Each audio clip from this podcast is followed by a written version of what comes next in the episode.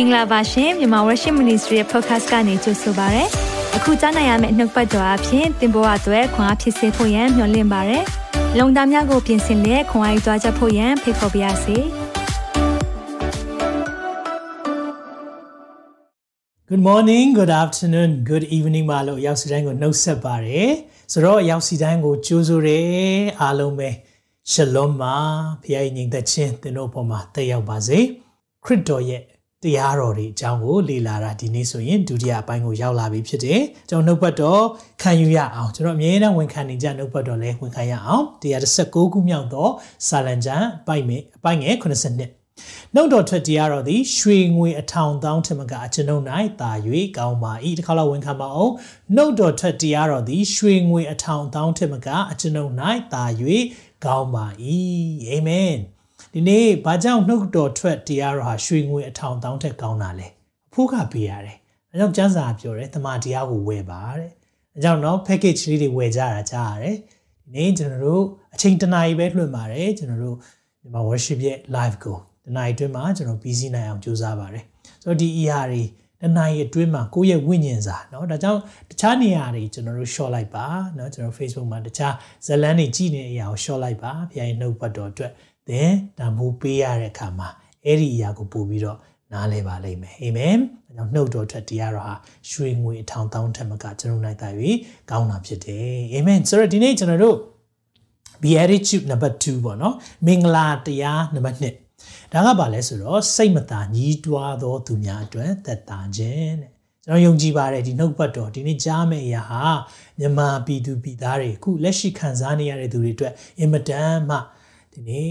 ကောင်းကြီးဖြစ်မဲ့နှုတ်ပတ်တော်လို့မျှော်လင့်ပါတယ်ယေရှုခရစ်ရဲ့မင်္ဂလာတရားတော်စစ်မှန်တဲ့ပျော်ရွှင်ခြင်းဘယ်လိုရနိုင်မလဲဒီနေ့ဒီအရာကိုကျွန်တော်တို့လေ့လာသွားရအောင်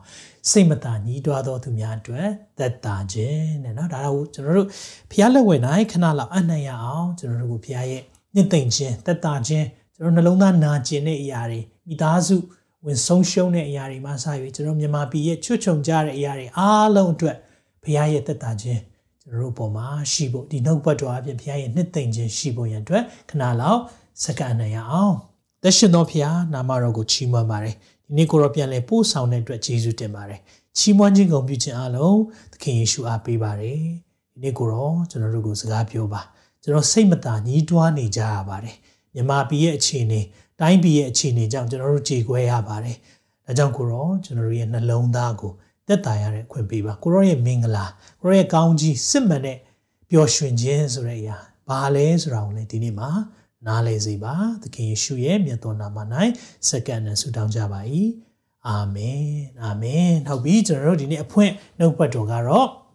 ရှင်မသက်ခရစ်ဝင်ကျမ်းအခန်းကြီး9နော်တောင်ပေါ်ဒီသနာလို့ပြောရင်ကျွန်တော်တို့ရှင်မသက်ခရစ်ဝင်အခန်းကြီး9 6ခွန်3ခုပေါ့နော်ဒါကဒါ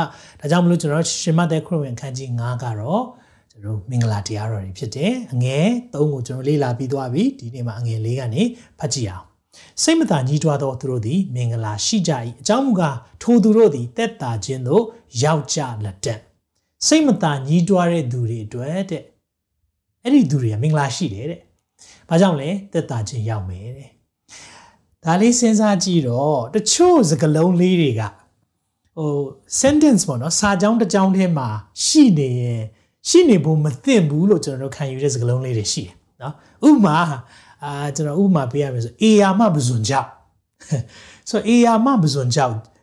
jumbo shrimp ဆိုတာ shrimp เนาะပဇွန်ကြောက်ဆိုတဲ့အရာသေးသေးလေးပဲလေเนาะတကယ်တော့ဒါပေမဲ့အေယာမပဇွန်ကြောက်ကြီးလို့ပြောလိုက်ရင်ဟာပဇွန်ကြောက်အကြီးကြီးပဲလို့ပြောရင်နည်းနည်းအဲ့နှစ်ခုကမခိုက်တယ်လို့ခံစားရတယ်เนาะဒါမှမဟုတ်ရင်လည်းဟို fun run ပေါ့နော် it's nothing fun about running ဆိုတော့ အပျော်ပြေးအပြင်မှာအပျော်ပြေးထွက်ရအောင်ဆိုနော်ဟိုအပြေးတာကပျော်စရာမကောင်းလေနော်ဆိုတော့ဒါပေမဲ့အဲ့ဒီနှစ်ခုကြုံနေဆိုရင်ကျွန်တော်ဟို clash ဖြစ်တယ်လို့နော်ဒီစကလုံးနှလုံးဟာတကယ်အစီလျော်မတည့်ဘူးပြောမလားအဲ့လိုခံစားရတဲ့အရာလေးတွေရှိရနော်ဒီမှာကြည့်တဲ့အခါမှာလေစိတ်မသာညှိတွားခြင်းနဲ့မင်္ဂလာဆိုတဲ့အရာကြီးကနှစ်ခုကြည့်တဲ့အခါမှာတိတ်မကြိုက်တယ်လို့ပဲနော် စိတ်မတန်ညီးတွားခြင်းဟာမင်္ဂလာဖြစ်တယ်ဆိုတော့ဒီနှစ်ခုကဘာလို့သခင်ကဘာလို့အဲ့လိုပြောတာလဲဘာကြောင့်လဲသူကတက်တာခြင်းခွင့်ပေးမယ်အာမင်အဲကြောင့်ဒီနေ့ကျွန်တော်တို့စိတ်မတန်ညီးတွားနေကြတယ်အနေနဲ့များပဲမြန်မာပြည်သူပြည်သားတွေတိုင်းပြည်အခြေအနေကြောင့်ဒီလိုစိတ်မသာညှီးတွားနေရတဲ့အခါမှာသင်ဟာမင်္ဂလာရှိတယ်တဲ့သခင်ကလို့ပြောတယ်။ဒါကြောင့်ကျွန်တော်တို့ဒီနေ့နှုတ်ပတ်တော်ကနည်းနည်းလေးလေးနဲ့တယ်။ဒါကြောင့်အာယုံစိုက်ပြီးနားထောင်ပေးပါ။ သေချာပြန်ပြီးတော့ကျွန်တော်တို့မတ်စုလေးတွေနဲ့ပြန်နားထောင်ပေးပါเนาะကျွန်တော်ညနေ live ပြန်ပြီးတော့ဒါ replay လုပ်တဲ့အချိန်မှာလည်းနားထောင်ပေးပါလေးနဲ့လွန်းလွန်းဖြစ်ပါတယ်เนาะ။ကြောင်းဒီနေ့စာကြောင်းတကြောင်းထဲမှာမတွေ့ရမယ့်စကားလုံးလေးတွေဖြစ်နေတာပေါ့เนาะလူအနေနဲ့ကြည့်ရင်ဒါပေမဲ့ဖခင်အတွက်တော့ဒီအရာကအရေးကြီးတယ်။သူကဘာကြောင့်ဒီလိုပြောနိုင်တာလဲ။ဘာကြောင့်လဲဖခင်ဖြစ်တဲ့အခါမှာကျွန်တော်တို့ကိုသက်တာခြင်းခွင့်ပေးနိုင်တယ်ဆိုတာကိုသူကပြောနေတာဖြစ်တယ်။ဒါကြောင့် ဒီနေ့ဘာကြောင့်ကျွန်တော်ပြောမလဲစိတ်မသာညှိတွားရဲဆိုတော့ဘယ်အချိန်မှာဖြစ်တာလဲ suffering နာကျင်ခံစားရတာဆိုတော့ကျွန်တော်တို့နာကျင်ခံစားရခြင်းအကြောင်းကိုပြောမယ်ဟေ့ဆိုရင်လူတွေကသိမကြားခြင်းဘာကြောင့်ကြိုက်လဲမင်္ဂလာစကားအကြောင်းเนาะကောင်းကြီးမင်္ဂလာလို့ပြောရင်တအားကြိုက်တယ်ဆိုတော့ဒါမဲ့သခင်ကဒီမှာစိတ်မသာညှိတွားခြင်းနာကျင်ခံစားရတဲ့အချိန်မှာဖြစ်တဲ့ခံစားချက်နဲ့ဒါဟာမင်္ဂလာရှိတယ်တဲ့တွဲပြီးတော့ပြောပြီးနော် ဒါကြောင့်ကျွန်တော်တို့ဒီဒီနေ့မှာဒါအောင်နားလည်ဖို့ဖြစ်တယ်ဆိုတော့ဒီစိတ်မသာညှိတွားခြင်းဆိုတဲ့ Greek စကားလုံးက to will ပေါ့နော်ဆိုတော့ငိုယိုမိတမ်းခြင်းဆိုတဲ့အဓိပ္ပာယ်ပေါ့ဆိုတော့အခုချိန်မှာကျွန်တော် Holy Land သွားတယ်ဆိုရင်သူတို့ကငိုကြွေးမိတမ်းခြင်းတတိုင်းဆို willing war ပေါ့နော် willing လို့အဲ့မှာသွားပြီးတော့သူတို့ငိုငိုရတယ်။ဘာကြောင့်လဲဆိုတော့ဗိမာန်တော်မရှိတော့လို့နော်သူတို့ဗိမာန်တော်အရင်မျော်လင့်နေပထမဗိမာန်တော် ရှောလုံးမင်းကြီးတီဆောင်တဲ့ဗိမာန်တော်လည်းပျက်စီးသွားတယ်။ဒုတိယအဲ့ဒါကိုပြန်ပြီးမွမ်းမံပြုပြင်ပြီးတော့ hero မင်းကြီးကလှုပ်ပေးတဲ့အရာဒါလည်းပျက်စီးသွားပြန်တယ် AD 80မှာဆိုတော့သူတို့စောင့်မျှော်နေတာတတိယဗိမာန်တော်ပေါ့နော်ဆိုတော့ဒါဟိုသူတို့ကအမြဲတမ်းသွားသွားပြီးဆူတောင်းတဲ့အချိန်မှာနာကျင်ခံစားရတဲ့ခံစားချက်မျိုးပေါ့အဲ့ဒါကနော်သူတို့ကဘာမျှော်လင့်လဲမေရှိယသာပြန်လာမယ်ဆိုရင်ဒီအရာတွေအားလုံးချုပ်ငိမ့်မယ် ဒါကြောင့်သူတို့မျှော်နေတယ်မေရှိယသာလာမယ်ဆိုရင်အရာအားလုံးဖခင်ကအစ်စ်ပြန်လဲပြုတ်ပြင်မွမ်းမံပေးလိုက်မယ် restore လုပ်ပေးလိုက်မယ်ကျွန်တော်ဆုံးရှုံးခဲ့တဲ့အရာတွေပြန်ရမယ်ကျွန်တော်ခြေကွဲတဲ့အရာအားလုံးသက်သာခြင်းရမယ်ဆိုပြီးသူတို့ကအယမ်းမျှော်လင့်တယ်ဒါပေမဲ့ကျွန်တော်တို့ယုံကြည်သူများခရိယန်များတခုလိုဝက်ချက်တည်တယ်အဲ့ဒီမေရှိယကတကယ်လာပြီးသွားပြီနောက်တစ်ခါပြန်လာအောင်ပဲအဲ့ဒီအချိန်မှာလေကျွန်တော်တို့နာကျင်ခံစားရတဲ့အခုလိုမျိုးခံစားနေရတဲ့ခံစားချက်တွေကို သခင်ကသက်သာခြင်းခွင့်ပေးလိုက်မယ်အာမင်အဲကျွန်တော်တို့မိသားစုဝင်ဆုံးရှုံးတဲ့သူတွေရှိတယ်ကြေကွဲရတယ်အိမ်တွေဆုံးရှုံးသွားရတယ်ကျွန်တော်တို့ဆုံးရှုံးမှုတွေအများကြီးကြုံရတဲ့သူတွေဒီနေ့မှာမေရှိယပြန်လာတဲ့အချိန်ဒုတိယအချိန်ပေါ့နော်ပြန်လာတဲ့အချိန်မှာအရာအလုံးကိုသခင်ကပြန်လဲပြုပြင်မွမ်းမံပေးလိုက်မယ်အာမင်ယုံကြည်ပါသလားယုံကြည်ပါတယ်เนาะဆိုတော့ဒီအကြောင်းအရာလေးကိုကျွန်တော်နားလည်နိုင်ဖို့ရန်အတွက်เนาะစိတ်မသာညှိတွားတဲ့ ခြင်းရဲ့အကြောင်းအလေးကိုကျွန်တော်ဓမ္မဟောင်းထဲကပုံကိုတယောက်အကြောင်းပြောပြခြင်းတယ်အဲ့တယောက်အကြောင်းပြောခင်ပေါ့နော်ကျွန်တော်ဒီမှာဟာတာလည်းဖြစ်တယ်အဲတွေ့ကြုံရတဲ့အရာလေးတစ်ခုကိုပြောပြခြင်းတယ်အဲ့ဒါဘာလဲဆိုတော့ကျွန်တော်ကျွန်တော်ဒီ MWTV ရှိတဲ့နေရာ Queensland Australia ပေါ့နော်ဆိုတော့ကျွန်တော် Queensland ပြည်နယ်မှာလူတစ်ယောက်က COVID ဖြစ်တဲ့နေရာမှာသူကသွားသွားပြီးတော့တဲ့ COVID ကူးအောင်လို့သူကဟိုလုံနေတယ်တဲ့ ဆိုတော့အဲ့လိုကြားတော့ရုတ်တရက်ကြားတော့ဘာဖြစ်လို့အဲ့လိုလုပ်တာလဲသူက COVID ရကျင်လို့လို့ဘာကြောင့် COVID ရကျင်လဲဆိုတော့အလုတ်ကနေခဏနားကျင်တာတဲ့ဆိုတော့အလုတ်ကနားကျင်တော့ COVID ကလည်းနော်နာစီချောင်းဆိုးအဲ့လိုမျိုးလေးတွေဖြစ်ယုံပဲပေါ့နော်တိတ်ပြီးတော့လည်းမခံစားရဘူးလို့လူတွေကပြောတော့သူလည်းကိုဗစ်ရကျင်တယ်တဲ့သူနားကျင်လို့လို့တဲ့ဆိုတော့အမ်မာတင်ကျွန်တော်တို့တခုအဖြေရလိုက်တယ်နော်ဆိုတော့ဒီလိုနာကျင်ခံစားရခြင်းဟာမင်္ဂလာဖြစ်နေတတ်တယ်တခါလေးပါသူကလည်းဒီမှာနော်ဩစတြေးလျနိုင်ငံတို့အနောက်နိုင်ငံတွေမှာနားရဆိုရင်လည်းခံစား권ရှိတာပေါ့နော် sick leave တို့ဒီနာမကျန်းတဲ့အခါမှာအာဒီ medical နဲ့ပတ်သက်ပြီးတော့ပေါ့နော်ဆေးဈေးလက်မှတ်ဒီပိုင်းနဲ့ပြရဲဆိုရင်ကြိုးခံစားခွင့်ရလဲရှိနေတဲ့ခါမှာနားကျင်လို့လို့တဲ့ဆိုတော့ तू ဟာကိုဗစ်လိုက်ရှာတယ်တဲ့เนาะအဲ့လိုမျိုးရှာတဲ့လူမရှိတော့ပါဘူးထင်ပါတယ်เนาะကျွန်တော်ဒီအဖွဲ့တွေထဲမှာဆိုတော့ဒါလေးဟာတာလေးတွေ့တဲ့ခါမှာအဲ့ဒါကိုကျွန်တော်ရင်းပြန်ဆင်ခြင်မိတဲ့ခါမှာ အော်စိတ်မသာညှိတွားခြင်းဟာမင်္ဂလာလို့ပြောတာနာကျင်ခံစားရခြင်းကမင်္ဂလာဖြစ်စေနိုင်တယ်ဆိုတဲ့အရာလေးကိုလည်းစဉ်းစားမိသွားတာပေါ့နော်ဆိုတော့ဒါလေးကိုကျွန်တော်တွေ့ရတယ်ဒါပေမဲ့ကျွန်တော်ဒီနေ့မှာတကယ်ပြောပြချင်တဲ့သူတယောက်ကတော့ဒီနာကျင်ခံစားရခြင်းเนาะကျန်းစာတစ်အုပ်လုံးမှာသူ့လောက်နာကျင်ခံစားရတဲ့သူဆိုတာเนาะတပဟောင်းထဲမှာဆိုရင်ကြည့်မယ်ဆိုရင်တော်တော်များများဖျားလူတွေညှင်းဆဲခံရတယ်ဒါပေမဲ့သူ့ရဲ့ခံစားချက်ကကျွန်တော်တို့ကို အများကြီးသွန်သင်တဲ့အရာရှိတယ်တခြားလူမဟုတ်ပါဘူးယောဘဖြစ်တယ်ဆိုတော့ဒီနေ့မှာကျွန်တော်ယောဘကိုလေ့လာရင်းနဲ့သူ့ရဲ့ဒီနေ့ဖျားရဲ့ဖွင့်ပြတဲ့အရာဘာကြောင့်မလို့သူ့ရဲ့စိတ်မသာညှိတွားတဲ့အရာမင်္ဂလာဖြစ်စေလဲဘလို့ဖခင်ကသူ့ကိုသက်တာခြင်းခွင့်ပေးလဲဆိုတာကိုကျွန်တော်တို့လေ့လာသွားရအောင်ဆိုတော့ယောဘကိုကျွန်တော်ကြည့်တဲ့အခါမှာဖြောင့်မတ်တဲ့သူဖြစ်တယ်လို့ကျမ်းစာပြောတယ်ပြီးရင်ဖခင်ကို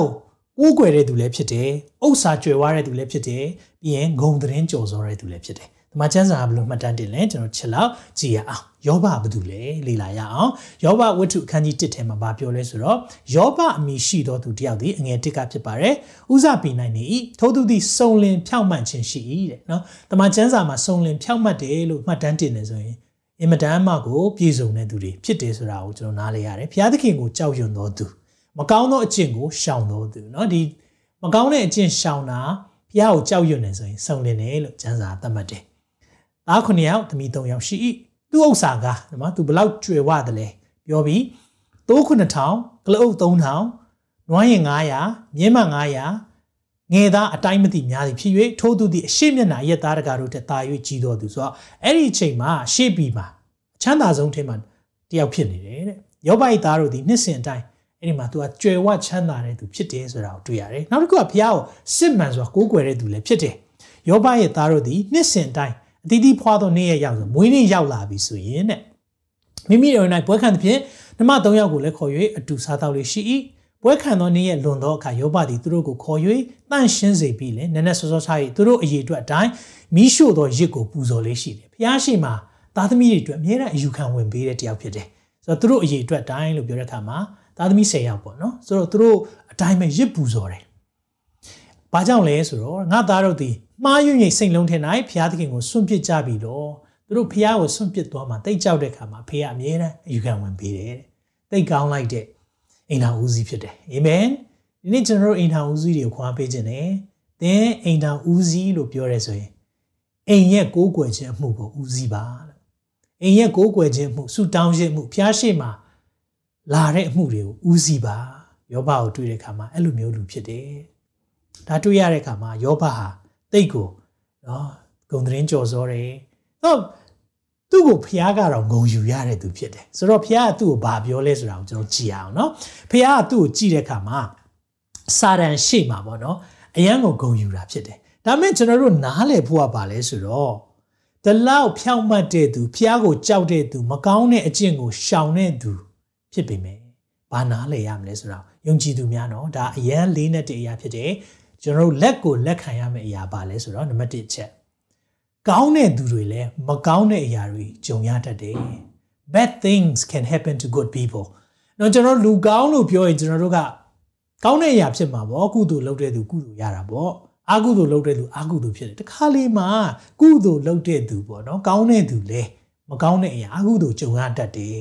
ဒါကျွန်တော်တို့လက်ခံမှုဖြစ်တယ်နော်တခါလေးမှာကျွန်တော်တို့ကအဲ့လိုမဟုတ်တဲ့ခါမှာဖျားပုံမှာမေးခွန်းအများကြီးမေးတတ်တယ် ဟာကိုရောကျွန်တော်ကိုရောအတွက်ဆက်ကပ်နေတာပဲကိုရောအတွက်ဒီလောက်လောက်တာပဲကိုရောကိုချစ်တာပဲကိုရောကိုကြောက်ရွံ့တာပဲဘာကြောင့်များကျွန်တော်အပေါ်မှာဒီလိုမျိုးစုံစမ်းနောက်ရက်ခြင်းတွေရောက်ရတာလေ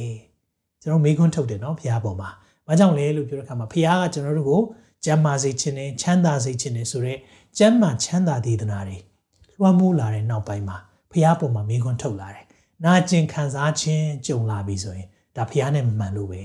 စသဖြင့်ကျွန်တော်တို့တွေတုံတင်မှုတွေမှားယွင်းတဲ့အခါမှာ ကျွန်တော်ဒီလိုခံစားသွားတတ်တယ်။အကြောင်းဒီမှာကောင်းတဲ့သူတွေလည်းမကောင်းတဲ့အရာတွေကြုံရတတ်တယ်ဆိုတာကိုတွေ့ရတယ်။ဆိုတော့ကျမ်းစာထဲမှာမပြောလဲဆိုတော့နော်ယောဘဝတ္ထုခန်းကြီး1ထဲမှာဖះကဂုံယူတယ်နော် ယောဘပုံမှာဘယ်လောက်ထိဂုံယူလဲဆိုတာကိုအသေးစိတ်ဖော်ပြထားတယ်။ဖျားသခင်သားတို့သည်ဆိုတာဒါကောင်းကင်တမန်တွေကိုပြောတာဖြစ်တယ်။ထာဝရဘုရားထံတော်၌ခါစားခြင်းကလာရသောနေ့ရဲ့အချိန်ရောက်ရင်စာရန်သည်လည်းသူတို့နဲ့ရော၍လာတယ်ဆိုတော့ရောရောက်ပြီးလာတယ်ဟန်ဆောင်ပြီးလာတာမဟုတ်ပါဘူးเนาะဖျားကမသိပဲမနေပါဘူး။တချို့တွေထင်တတ်တယ်။အော်စာတန်ကလည်းကောင်းကင်တမန်တွေနဲ့ရောပြီးရောက်လာလို့ ဖះကမသိတာမဟုတ်ပါဘူးစာတန်ကောင်းကင်မှာလာလို့ရတဲ့အပိုင်းရှိတယ်ဘယ်ပိုင်းလဲဆိုတော့ကောင်းကင်တရားယုံเนาะဆိုတော့တရားယုံမှာတရလိုလဲလာလို့ရတယ်တရားခံလဲလာလို့ရတယ်ဟုတ်တယ်เนาะဆိုတော့ तू ကဆွတ်ဆွဲတဲ့သူဆိုတော့တရလိုနေရာမှာ तू ကလှုပ်ချင်တဲ့အခါမှာ तू အမြဲတမ်းလာတတ်တယ်ဒါကိုလည်းကျွန်တော်တို့ကောင်းကင်တရားယုံဆိုတဲ့အရာနဲ့ကျွန်တော်နားလည်ဖို့ဖြစ်တယ်အဲ့ဒီမှာ ဖះမေးလိုက်ပြီစာတန်စာတန်ဘယ်ကလာလဲလို့ပြောတော့စာတန်ကမြေကြီးပေါ်မှာလှည့်လည်၍အရေးရက်သွားလာခြင်းအမှုထဲကလာပါသည်တဲ့အင်္ဂလိပ်လို့ဆိုရင် patrolling ဆိုတာစောင့်ကြည့်လေ့လာပြီးတော့ရဲလိုမျိုးပေါ့နော်သူလိုက်ပြီးတော့စစ်ဆေးကြည့်ရှုခြင်းကနေလာတယ်တဲ့ဒီချိန်ထိစာတန်ကလေကျွန်တော်သူ့ကိုယ်သူမှန်ကန်နေသေးတယ်လို့ထင်တာကျွန်တော်တို့ဘာလှုပ်မှားမလဲဆိုတော့အမြဲတမ်းဖျားစီမှာဆွဆွဲပြစ်တင်ဖို့ရန်အတွက်ကြိုးစားတယ်။ အကြောင်း accuser of the brethren ဆွဆွဲပြစ်တင်တော်သူဆိုတာကိုကျမ်းစာကသူ့ကိုဖော်ပြထားတယ်။စာတန်ရဲ့ဂုံပုတ်တစ်ခုထဲမှာ accuser ဆွဆွဲတယ်ဆိုတော့မမှန်မကန်ပြောတာအဲ့လိုတယောက်ရှိနေတယ်တဲ့။ဆိုတော့အမှဖျားကပြောပြီးငါကြုံယောဘကိုဆင်ခြင်ပြီလို့မြေကြီးပေါ်မှာသူနဲ့တူတော့သူတစုံတယောက်မှမရှိစုံလင်ဖြောက်မှတ်ပြီးဘုရားသခင်ကိုကြောက်ရွံ့တော်သူမကောင်းသောအကျင့်ကိုရှောင်တော်သူဖြစ်တယ်လို့စာတန်ကိုပြောလိုက်တယ်တဲ့တွေ့လားငါကြုံယောဘကိုအဲ့လိုပြောလဲပြောလိုက်ရော စာတန်ကဘာနဲ့တုံ့ပြန်လဲကြည်ရအောင်အငယ်ကိုမှာယောဘ1အငယ်ကိုယောစာတန်ကလည်းယောဘသည်အကျိုးမရပဲဘုရားဝတ်ကိုပြုလို့ပြောပြီဟေးအကျိုးစီးပွားမရှိဘဲတော့မလုပ်ဘူးနော်လူဆိုတာအကျိုးမြတ်ကိုကြည့်တဲ့သူဖြစ်တယ်။ဒါကြောင့်မလို့အကျိုးစီးပွားရှိလို့ပဲဖះကိုကိုးကွယ်တာအဲ့လိုပြောတဲ့အခါမှာကိုရောကလည်းနော်သူဆက်ပြောတယ်။နောက်တစ်ခုကိုရောဒီသူ့ကိုမှစာ၍သူ့အိမ်နဲ့သူ့ဥစ္စာရှိသမျှပတ်လည်နိုင်ဆို သူ့မိသားစုကိုစောင်းရမ်းကာတော်မူသည်မဟုတ်ဘူးလို့ဆိုတာစောင်းရမ်းဆိုတာကခြံစည်းရိုးပေါ့ဖះရဲ့အကွက်ကချင်းနော် hatch hatch လို့အင်္ဂလိပ်လိုသုံးထားတယ်ဆိုတော့ဖះကိုကိုးကွယ်တဲ့သူစစ်မှန်တယ်ဖြောင့်မတ်တော်သူဖြစ်တယ်မတရားသောအမှုကိုရှောင်တဲ့သူဆိုဘုရားကကျွန်တော်တို့အိမ်ကျွန်တော်တို့ရဲ့ပတ်ဝန်းကျင်ကိုအမြဲတမ်းအကာအကွယ်ပေးထားတယ်အကာအကွယ်ပေးခြင်းကိုပြောတာအဲ့ဒါကာထားပေးတာမဟုတ်ဘူးလားတဲ့ဘုရားက သူပြုတ်လေသမျှတို့ကိုကောင်းကြီးပေးတော်မူပြီးသူသိုးနွားတိရစ္ဆာန်အလွန်များတယ်ယခုမူကလက်ကိုလက်တော်ကိုဆန့်၍သူ၏ဥစ္စာရှိသမျှကိုထိခိုက်တော်မူလင်သူသည်ကိုတော်မျက်မှောက်တော်၌ကိုရောကိုစွန့်ပယ်ပါလိမ့်မည်အဲ့ဒါတွေဖယ်လိုက်လေအဲ့ဒါဆိုရင်ကိုရောဆွန့်သွားလိမ့်မယ်အဲ့မှာဘုရားပြောတယ်ဘုရားဘာကြောင့်ပြောလဲဆိုတာတခုနားလဲစေခြင်းတယ်ဘုရားတခါလေမှာကျွန်တော်တို့ယုံကြည်သူတွေကိုစာတန်တိုက်ခိုက်ဖို့ရန်အတွက်အခွင့်အရေး ပေးတတ်တယ်အဲ့လိုအခွင့်ပေးလိုက်တာအကြောင်းတစ်ခုရှိတယ်ဒီလားသင်နဲ့ကျွန်တော်ယုံကြည်လို့ဖြစ်တယ်ဟာလေလုယာသင်နဲ့ကျွန်တော်ဟာခံနိုင်ရရှိမယ်ဆိုတာဘုရားသိမှပဲအဲ့ဒီစာတန်ရဲ့ဆွဆွဲတိုက်ခတ်တာကိုခွင့်ပြုတတ်တယ်အကြောင်းမလို့စိတ်တမကြနဲ့သင်အခုချိန်မှာစုံစမ်းချင်းကာလကိုဖျက်ဆီးနေရတယ်အကြီးမားစွာတိုက်ခိုက်နေရတယ်ဆိုရင်တိုက်ခိုက်ခံနေရတယ်ဆိုရင်ဒီနေ့မှာတခုနားလဲလိုက်ပါ ဖခင်ငါ့ကိုယုံတယ်လို့ဟာလေလုယာဖခင်ငါ့ကိုယုံတယ်နော်ပြောချင်တာကမကောင်းမှုဒုစရိုက်ကိုလှုပ်လို့စာတန်ခွင့်ရင်ရသွားတာမဟုတ်ဘူးဖခင်ပေါ်မှာကိုးကွယ်ခြင်းလည်းမပြတ်ဘူးဖြောင့်မတ်စွာလဲကြင့်နေရဲ့သားနဲ့ဒီလိုမျိုးစုံစမ်းတိုက်ခိုက်ခြင်းလာပြီဆိုရင်ကိုယ့်ဘက်ကမှန်တယ်တနည်းအားဖြင့်ကိုလောက်တာအကုန်လုံးဖရားရဲ့သဘောနဲ့သွားနေရဲ့သားနဲ့ကြုံလာရတဲ့အခက်ခဲလေးတွေနော်အဲ့လိုဖြစ်လာပြီဟေ့ဆိုရင်တခုနားလည်လိုက်ပါ ဖရားတင့်ကိုယုံတယ်ဟာလေလုယာဖရားတင့်ကိုယုံကြည်လို့လို့ဒီနေ့မှာခွင့်ပေးလိုက်တာဒီနေ့ယောဘနာကျင်စွာခံစားမယ်ဆိုဖရားတည်လားတည်တယ်သူဒီအရာတွေကြားထဲမှာအလူးလိမ့်ခံရမလားခံရမယ်ဒါပေမဲ့ဖရားခွင့်ပြုလားခွင့်ပြုတယ်ဘာကြောင့်ခွင့်ပြုလဲယုံကြည်လို့ယောဘဒီရဲ့စာမေးပွဲကိုဖြေနိုင်မယ်ဆိုတာသိလို့ဒါကြောင့်တော့တခါလေယုံကြည်သူများဘုရားကိုလေကိုရောဒီစာမွေးမဖြေခြင်းဘူးစုံစမ်းနောက်ဆက်ခြင်းမပေးပါနဲ့ ကျွန်တော်ဆုတောင်းတတ်တယ်ဒါပေမဲ့ဒီနေ့ကျွန်တော်ရင့်ကျက်ဖို့အတန်းအောင်ဖို့เนาะအတန်းနောက်တန်းတက်ဖို့ယုံကြည်ခြင်းခီးလမ်းမှာနောက်တစ်ဆင့်ရောက်ဖို့ဟာဘုရားကကျွန်တော်တို့ကိုစုံစမ်းတတ်တယ်အဲ့လိုစုံစမ်းတဲ့ခါမှာလဲစာတန်ကိုအခွင့်ပေးတတ်တယ်အဲ့လိုပေးရင်သင်နားလဲလိုက်ပါသင်ကိုဘုရားယုံကြည်တယ် hallelujah god trust you that you will go through this hallelujah ဒီနေ့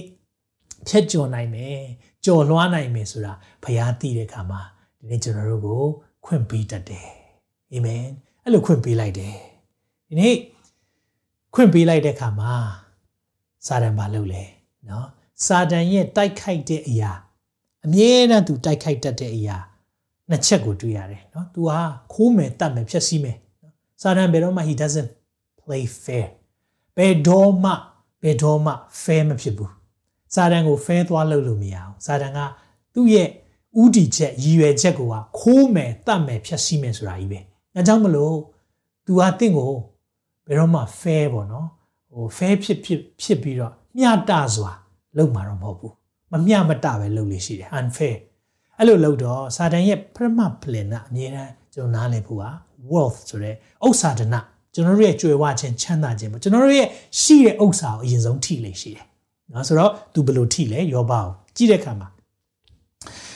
တနေ့တနိုင်နော်ယောဘနှစ် ယောဘဝတ္ထုခန်းကြီးနဲ့အငယ်73မှာတနေ့တနေ့ယောဘ၏သားသမီးတို့သည်အကိုအကြီးအိမ်တွင်စာရေးစပစ်ကိုတောင်းနေကြစဉ်ယောဘထံသို့တမန်တယောက်လာ၍နွားတို့သည်လေထွန်လျက်သူတို့အနားမှာမြင်းမတို့သည်စားလက်ရှိသောအခါရှေဘမျိုးသားတို့သည်တိုက်၍ယူသွားပါပြီဟာလူတွေကလာသိမ်းသွားတာသူ့ရဲ့နွားတွေကိုပြီးလူဆောင်တို့ကလည်းဒါလူဆောင်တို့ကိုလည်းဓာတ်နဲ့တိုက်၍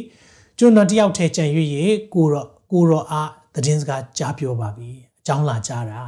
ရှေဘမျိုးသားတွေလာခေါ်သွားတယ် နောက်ဘာဖြစ်လဲဆိုတော့ကောင်းကင်ကဖခင်ရဲ့မိကြတယ်တဲ့တိုးနွားတွေလူဆောင်တွေလောင်းကုန်ပြီနောက်ကျွန်တယောက်က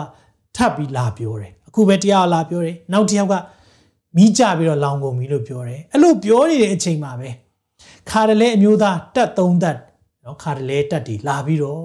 ကလအုပ်တို့ကိုတိုက်ယူသွားပါပြီစောင်းတဲ့သူတွေလည်းတတ်သွားပြီလာပြန်ပြောရောအဲ့လိုပြောနေတဲ့အချိန်မှာပဲတခြားတယောက်ရောက်လာတယ်ကိုရောရဲ့သားသမီးတို့အားလုံးသူတို့အကူကြီးရဲ့အိမ်မှာသူ တို့စားတောက်နေကြတဲ့အချိန်မှာတဲ့လေလာပြီးတော့အိမ်ကိုတိုက်ပြီးတော့အိမ်ပြိုသွားတော့အိမ်ဒီထိုလူလင်တို့ပေါ်ပြိုကျပြီအားလုံးသေသွားတယ်ကိုရောရဲ့သားသမီးတွေအားလုံးသေသွားပြီနော်ကျွန်တော်တို့ရှိသမျှကိုတစ်ခါတည်းယူသွားလိုက်ပြီအဲ့လိုယူသွားလိုက်တဲ့အချိန်မှာဘယ်လိုခံစားရမလဲမိတ်ဆွေနဲ့ကျွန်တော်ဆိုဘယ်လိုခံစားရမလဲအင်မတန်မှခက်ခဲတဲ့ဆောင်ပွဲဖြစ်တယ်။ဒါကြောင့်ကောင်းတဲ့သူတွေလဲမကောင်းတဲ့အရာကြုံတတ်တယ်ဆိုတာကို နှုတ်ကပတ်တော်ထဲမှာအတိအလင်းပြောထားတယ်။အဲကြောင့်သင်ဘဝမှာသင်ကောင်းတဲ့သူဖြစ်ပါလိမ့်မယ်နော်။ယုံကြည်သူဖြစ်တယ်ဖြောင့်မတ်စွာကျင့်တယ်။ဒါပေမဲ့တစ်ခါလေမှကျွန်တော်တို့ပုံမှာမကောင်းတဲ့အရာတွေကြုံလာတတ်တယ်။ Bad things can happen to good people. ဟာဘာလို့ဒီတယောက်ဖြစ်တာကျွန်တော်ဆိုတအားတခါလေဟို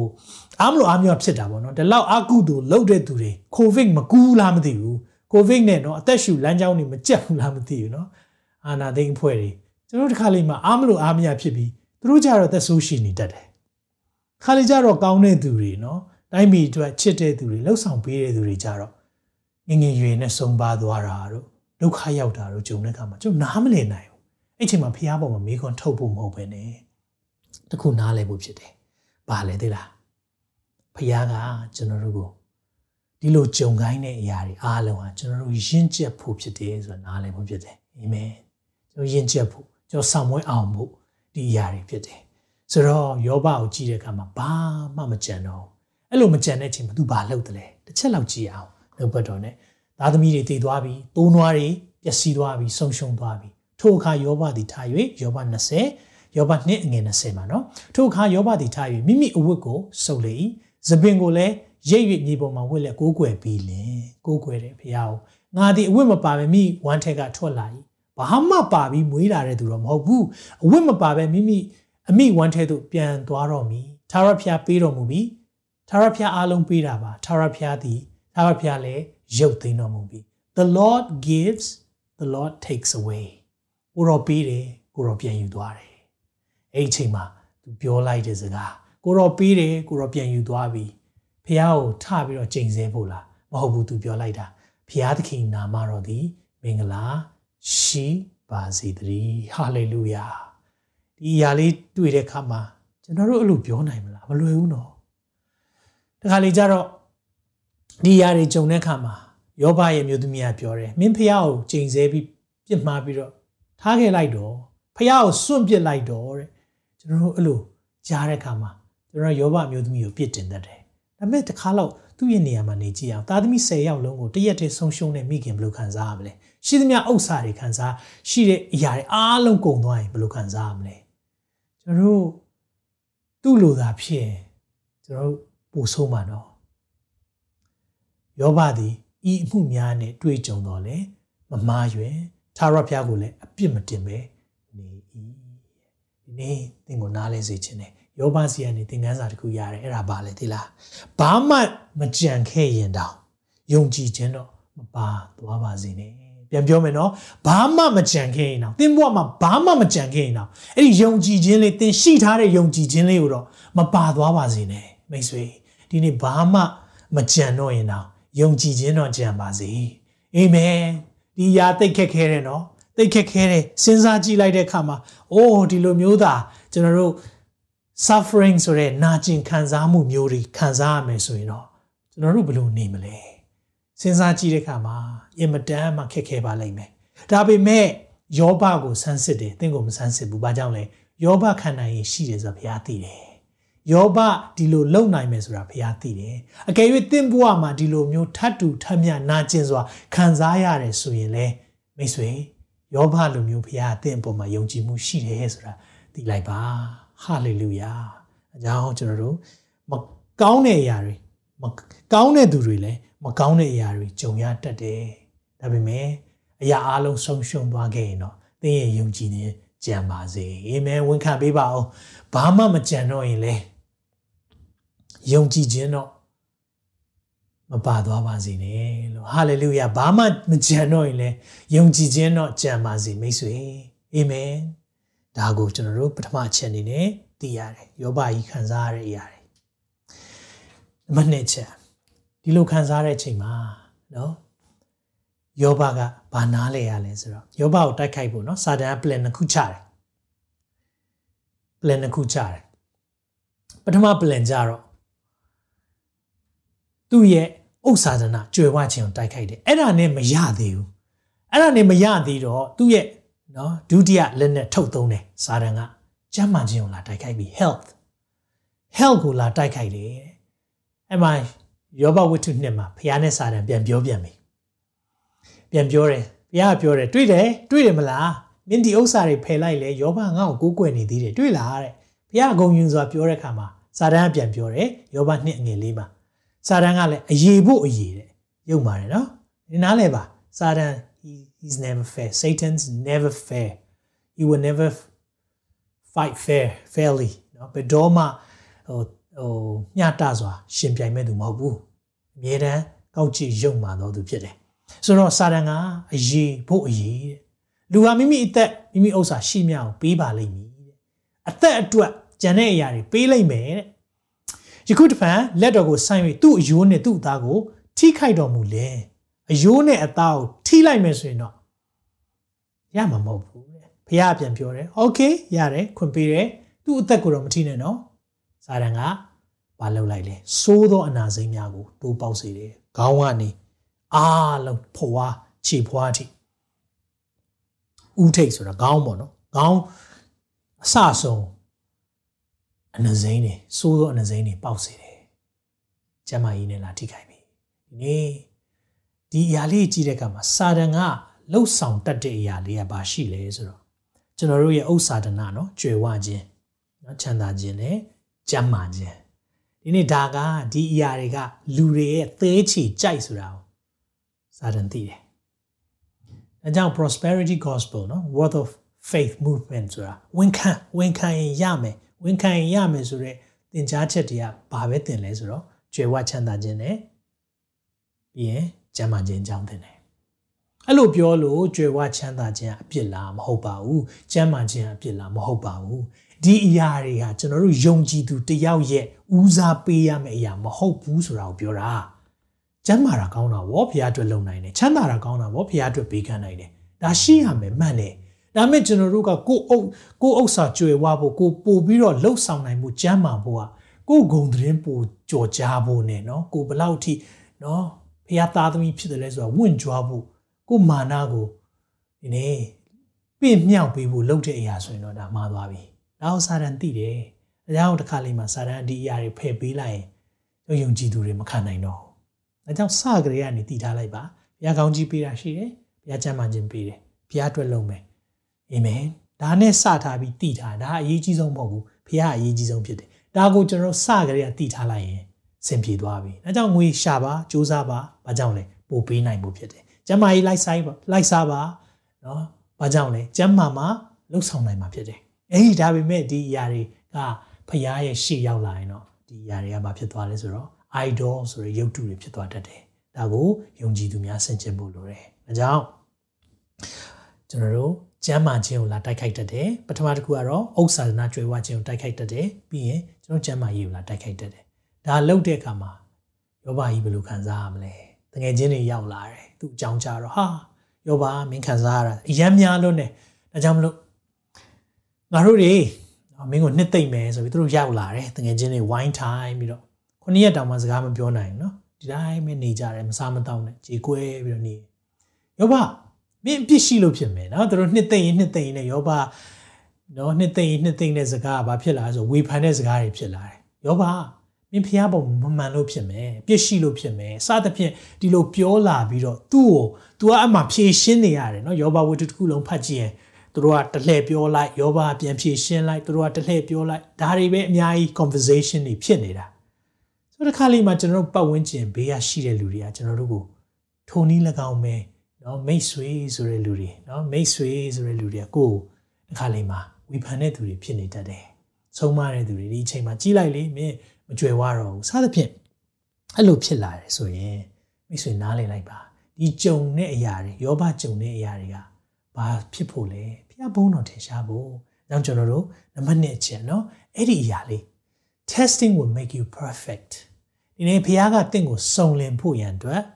စမ်းစစ်တတ်တယ်။အဲကြောင့်စုံစမ်းခြင်းဆိုတာပါလေ။စုံလင်ဖို့ရန်အတွက်စမ်းစစ်တာ။စုံလင်ဖို့ရန်အတွက် စမ်းသပ်တဲ့အရာဖြစ်တယ်။နော်ကျွန်တော်တို့မကြာခဏကျွန်တော်ဒီအကြောင်းပြောပါတယ်။လေရင်မပြန်တန်းခင်မှာလေရင်ဟာစမ်းသပ်ထားဖို့လိုတယ်။ဘာကြောင့်လဲဆိုတော့အန်ဒီရဲ့မဖြစ်အောင်လို့လေထဲမှာသွားတဲ့အချိန်မှာဒါကြောင့်တို့ engineer တွေ mechanics တွေအသေးချာဆန်းစစ်ပြီးမှသင်အဲ့ဒီလေရင်ကိုစီးနိုင်တာဖြစ်တယ်။ထုံနည်း၎င်းပဲနော်အဝေးပြေးကားမှာကားတွေကိုသေချာမစစ်ထားဘူးဆိုရင်လမ်းမှာအန္တရာယ်ဖြစ်နိုင်တယ်။ထုံနည်း၎င်းပဲယုံကြည်သူများကိုဘုရားကစမ်းသတ်တဲ့အချိန်ရှိတယ် ဒါကိုယာကုပ်ကဘယ်လိုပြောလဲဆိုတော့ရှင်ယာကုပ်ဩဝါဒစာခန်းကြီး1အငယ်2နဲ့3မှာညီကိုတို့နော်ဒါကယုံကြည်သူတွေကျွန်တော်တို့ကိုပြောချင်တာသင်တို့ဤယုံကြည်ခြင်းကိုစစ်ကြောစုံစမ်းခြင်းအရာသည်တဲ့ယုံကြည်ခြင်းကိုစစ်ကြောစုံစမ်းခြင်းအရာပါလေတီးခံခြင်းကိုဘွားစီတတ်သည်ဟုတိမှတ်လျက်အထူးထူးပြပြ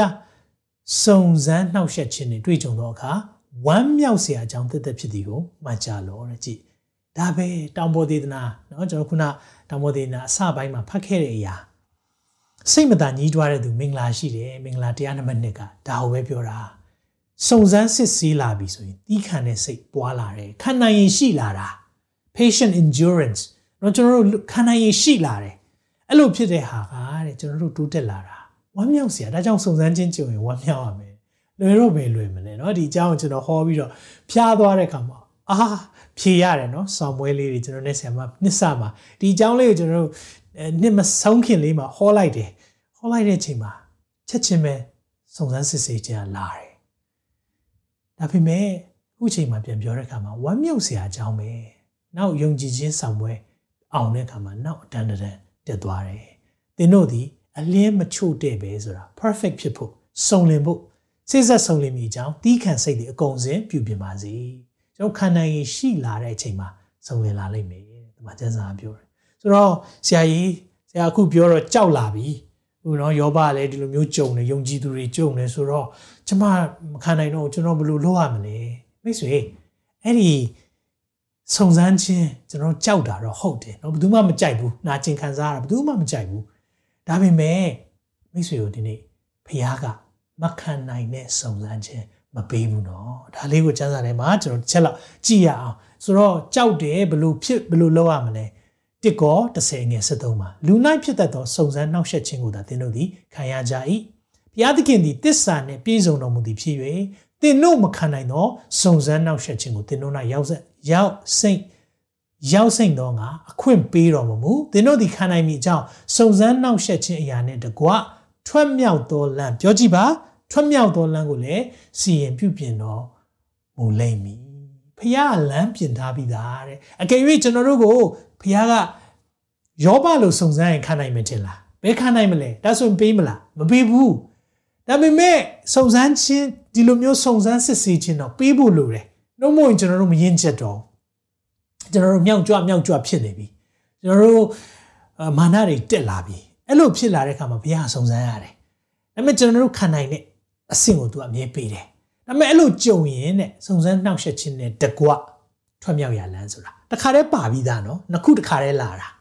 ပေမဲ့ထွက်ပေါက်တော့မမားစင်နဲ့ကျွန်တော်ထွက်လိုက်တဲ့အရာက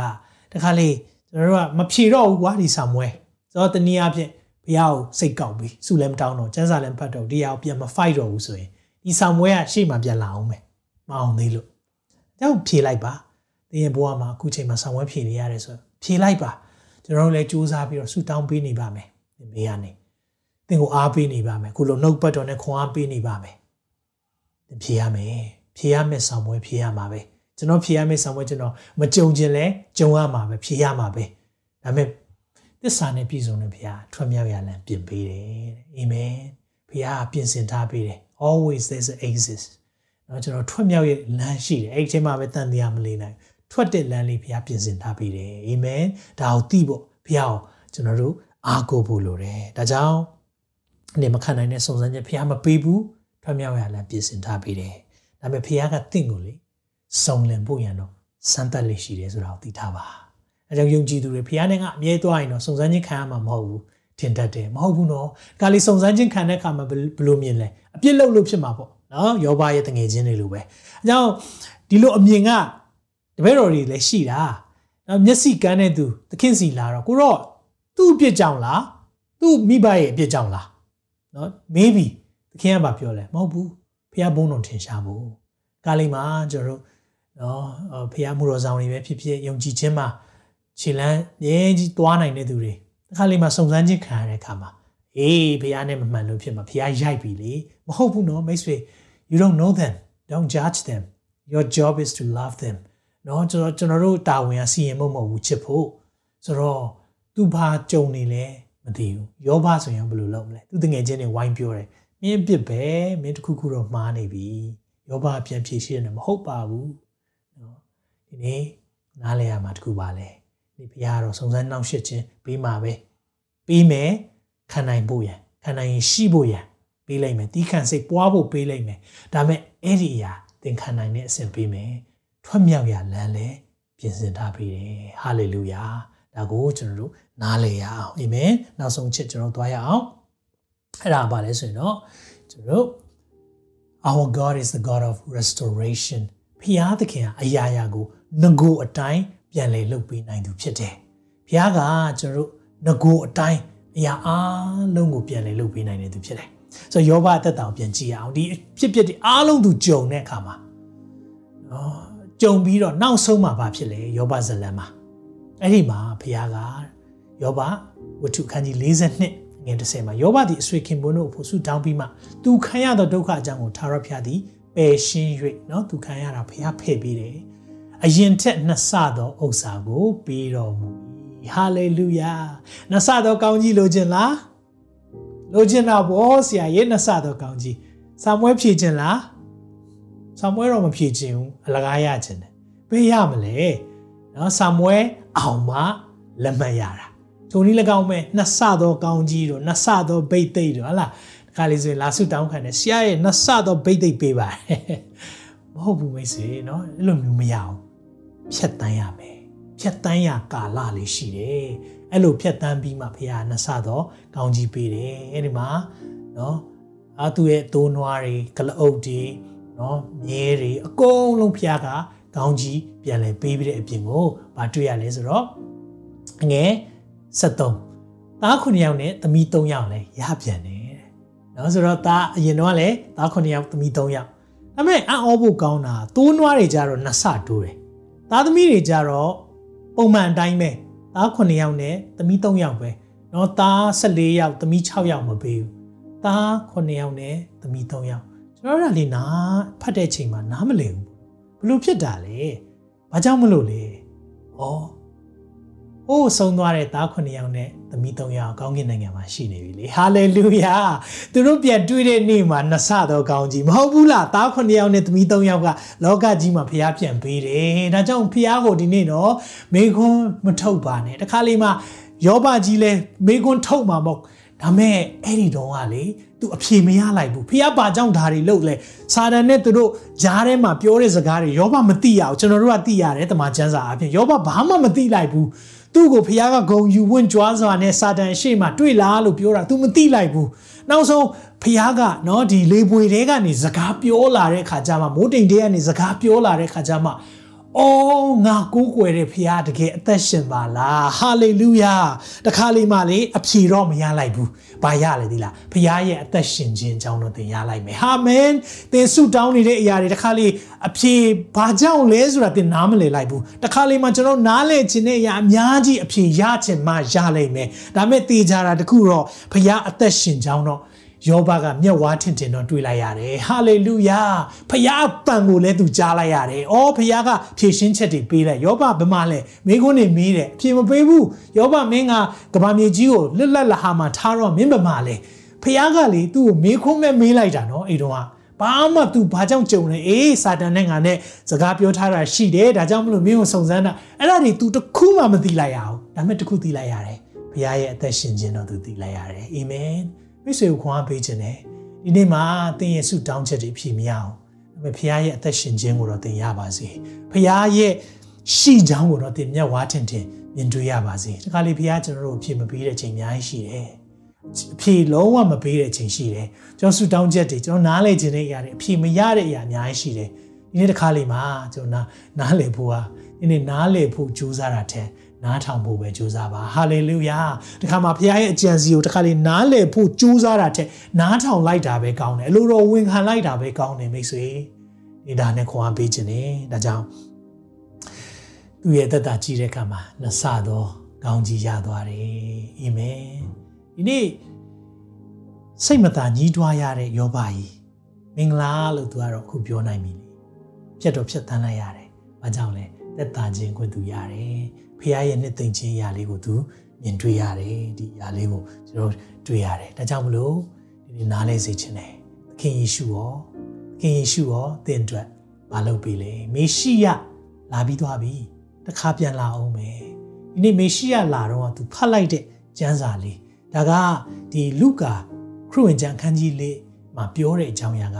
ဟေရှာယ61ထဲကအကြောင်းအရာဖြစ်တယ်။ဟေရှာယ61ဆိုတာယေရှု ယေရှုကဘာမြေကြီးမှာနော်လူအဖြစ်မလာခင်မှာနှစ်ပေါင်း900ကျော်ကြိုရွေးထားတဲ့ဂျမ်ပိုက်အဲ့ဒီဂျမ်ပိုက်ကိုပြောထားတဲ့အရာကိုသခင်ယေရှုကပြန်ဖတ်တယ်။ဆိုတော့သူတို့မိသားစုအလဲရောက်တော့သူကဒီຢာလေးကိုဖတ်တဲ့အခါမှာသာရဖျား၏ဝိညာဉ်တော်ဒီငါ့အပေါ်မှာတည်တော်မူ၏အဲ့ဒါဟေရှား61မှာလည်းပါပါတယ်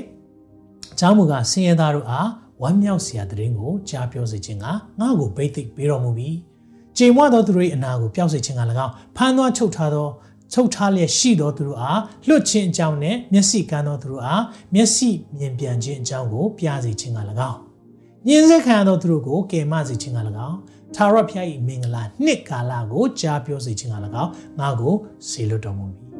။ဤရှားမှာပြောတာနှစ်ပိုင်းရှိတယ်။သာရဖျားရဲ့မင်္ဂလာနှစ်နဲ့ဘုရားရဲ့အမျက်တော်သွန်လောင်းမဲ့ကာလ။ဒါပေမဲ့ तू ပထမလာတော့အဲ့အကြောင်းမလုပ်တဲ့အတွက် तू ခြံထားခဲ့တယ်။ အဲ့ဒီအရာကို तू ဖတ်ပြီးတော့ဒီနေ့နာကျင်နေရတဲ့သူတွေသက်သာဖို့ဖန်ဆီးတဲ့သူတွေလွတ်မြောက်ဖို့ကမ်းတဲ့သူတွေမြင်ဖို့သူလာတာတဲ့။ကျမ်းစာလက်ကိုဇရက်ဆောင်ဆိုတာနော်အဲ့ဒီရဲ့ cynical မှာရှိတဲ့သူပြန်ပေးလိုက်တယ်တဲ့။ပေးပြီးတော့သခင်ပါပြောလိုက်လေကြည်လား။ယနေ့ပင်ဤကျမ်းစာချက်သည်တင်တို့ကြားသည့်အတိုင်းပြည့်စုံပြီ။ဟာလေလုယာကျွန်တော်ယုံကြည်တယ်။အဲ့ဒီသခင်ရဲ့ပြောလိုက်တဲ့အရာ ယနေ့ပြည့်စုံမယ်နေဖြစ်တယ်သင်စိတ်မသာညှိတွားနေရတယ်နာကျင်ခံစားနေရတယ်ယောဂကြောင့်ပဲဖြစ်ဖြစ်သင်ဥစ္စာဒနာတွေဆုံးရှုံးသွားတာပဲဖြစ်ဖြစ်သင်နာကျင်ခံစားနေရတယ်ဆိုရင်ဒီနေ့သခင်ဟာသင်ကိုကုသပေးနိုင်တယ်ဆိုတာကိုဒီနေ့ခွန်အားပေးခြင်းတယ်ဟာလေလုယာသခင်လာတဲ့အကြောင်းကကျွန်တော်တို့သက်သာဖို့ဖြစ်တယ်ကျွန်တော်သက်သာဖို့ဖြစ်တယ်ဒီနေ့တစ်ခါလေးမှာကျွန်တော်တို့ဥစ္စာကျွယ်ဝပြီးတော့ဖျားနဲ့ဝေးသွားတဲ့အချိန်မှာဖျားကကျွန်တော်တို့ကိုဖမ်းလိုက်တာအချိန်မီလေ အမေတကယ်တော့လေအရာအားလုံးပြည့်စုံတဲ့ရှင်ရှိရင်သင်ပါလို့အောင်ပါလေသခင်ပြောလိုက်တဲ့သဘောကငါ့ကိုရထားတဲ့သူတွေသက်သာခြင်းရနိုင်မယ်သခင်ယေရှုဒီနေ့ပြန်လာတော့မယ်ပြန်လာတော့မယ်မကြခင်မှာကျွန်တော်တို့မျှော်လင့်နေတဲ့သခင်ပြန်လာတော့မယ်သင်ရဲ့ခံစားနေရတဲ့အရာတွေသူအားလုံးကိုသက်သာခွင့်ပေးလိုက်မယ်သင်ဆုံးရှုံးသွားတယ်လို့ထင်တဲ့အရာတွေ restoration ပြန်လည်ပြီးတော့အားလုံးကိုပြန်ပြန်ပေးနိုင်တယ် hallelujah အကြောင်းဘုရားပြင်ဆင်ထားတဲ့အရာရှိတယ်ဘုရားပြင်ဆင်ထားတဲ့အရာအတွက်သင်ကိုဘုရားပြင်ဆင်နေတယ်နိကော50ခုမှာလူမီဒီကခရစ်တော်၌ရှိလေအသစ်ပြုပြင်သောတတဝါကျွန်တော်တို့ရှိဖို့ကလေခရစ်တော်၌ရှိခြင်းဖြစ်တယ်သင်စိတ်မသာညှိတွားရလိမ့်မယ်ဒါပေမဲ့သင်ခရစ်တော်မှာရှိတယ်ဆိုရင်သင်ရဲ့အရာအားလုံးဘုရားကအသစ်ပြန်လည်ပြီးဖြစ်စေမယ်မိတ်ဆွေယုံကြည်ပါသလားအာမင် ဘုရားကဘလို့ပြင်ဆင်ထားပေးလဲဒါလေးဖတ်ပြီးကျွန်တော်ဆုံးသက်ခြင်းနဲ့ကျွန်တော်တို့နေ့ဒီရဲ့2022မှာလက်ဆွဲရမယ်ကြံပိုင်လည်းဖြစ်တယ်တစ်ကောနှစ်အငယ်ကိုစံစာလာသည်နှင့်ညီဖျားသခင်ကိုချစ်တော်သူတို့အဖို့လုံငါဖျားသခင်ပြင်ဆင်တော်မူသောအရာတို့ကိုလူမျက်စိနဲ့မမြင်နားဖြင့်မကြားစိတ်နှလုံးနဲ့မကြံစီသေးကျွန်တော်လူရဲ့မျက်စိနဲ့လည်းမမြင်ဘူးသေးဘူးနားနဲ့လည်းမကြားဘူးသေးဘူး စိတ်တောင်မကူဘူးသေးတဲ့အရာတွေအားလုံးဖျားသူ့ကိုချစ်တဲ့သူတွေအတွက်ပြင်ဆင်ထားတယ်ဟာလေလုယာမိတ်ဆွေစိတ်မသာညှိတွားနေတယ်ဆိုရင်ဒီနေ့ဖျားပြင်ဆင်ထားတဲ့အရာအများကြီးရှိသေးတယ်သင်ဆုံးရှုံးသွားတယ်လို့ထင်တဲ့အရာတွေအဲ့ဒီထက်ကောင်းတဲ့အရာတွေစိတ်တောင်မကူဘူးသေးတဲ့အရာတွေဖျားစီမှာရှိနေတယ်အာမင်အကြောင်းဒီဘုရားစီမှာတိုးဝင်ရအောင်ဒီသခင်ယေရှုခရစ်တော်ထံမှာကိုယ့်ရဲ့အသက်တာကိုအနံ့ပါကိုယ့်ရဲ့အသက်တာကိုတကယ်အနံ့တဲ့အခါမှာဘုရားက သက်တာခြင်းကိုပေးပါလိမ့်မယ်အာမင်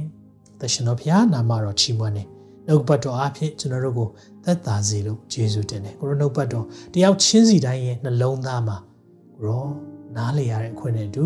ကိုရောရဲ့သက်သာခြင်းနှစ်သိမ့်ခြင်းကိုခံစားရစေပါကိုရောထဲမှာအရာအလုံးရှိတဲ့အတိုင်းပဲယောဘကိုစုံစမ်းခြင်းတွေကြုံရပေမဲ့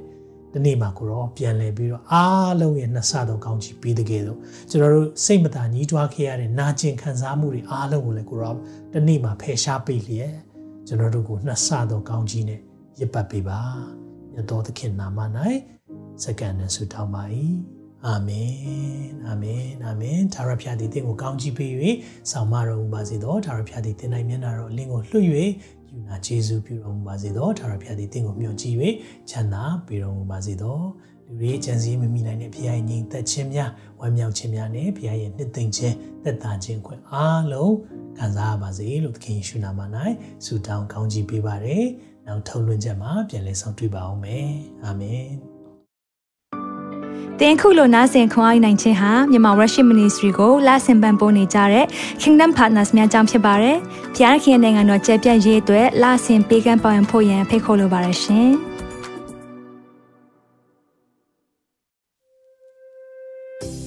အခုကြားနာခဲ့ရတဲ့နှုတ်ပတ်တော်အဖြစ်ခွန်အားရရှိမဲ့လို့ယုံကြည်မျှော်လင့်ပါတယ်။ခွန်အားရဆိုလို့ရှိရင်ဒီတစ်ပတ်နဲ့ပြန်လည်ဝေမျှပေးဖို့ရန်တောင်းဆိုပါရစေ။ မြန်မာ Worship Ministry ရဲ့ website myanmarworship.com ကိုလည်းလာရောက်လေ့လာဖို့ရန်တွဲဖိတ်ခေါ်ချင်ပါတယ်။တချိန်ထဲမှာမြန်မာ Worship Ministry ရဲ့ social media platform များဖြစ်တဲ့မြန်မာ Worship YouTube Channel, မြန်မာ Worship Facebook Page နဲ့မြန်မာ Worship Instagram များကိုလည်းလာရောက်လေ့လာဖို့ရန်တွဲဖိတ်ခေါ်ချင်ပါတယ်။နောက်တစ်ချိန်မှာပြန်လည်ဆုံတွေ့ကြပါစို့။ဖျားရှင်ကောင်းကြီးပေးပါစေ။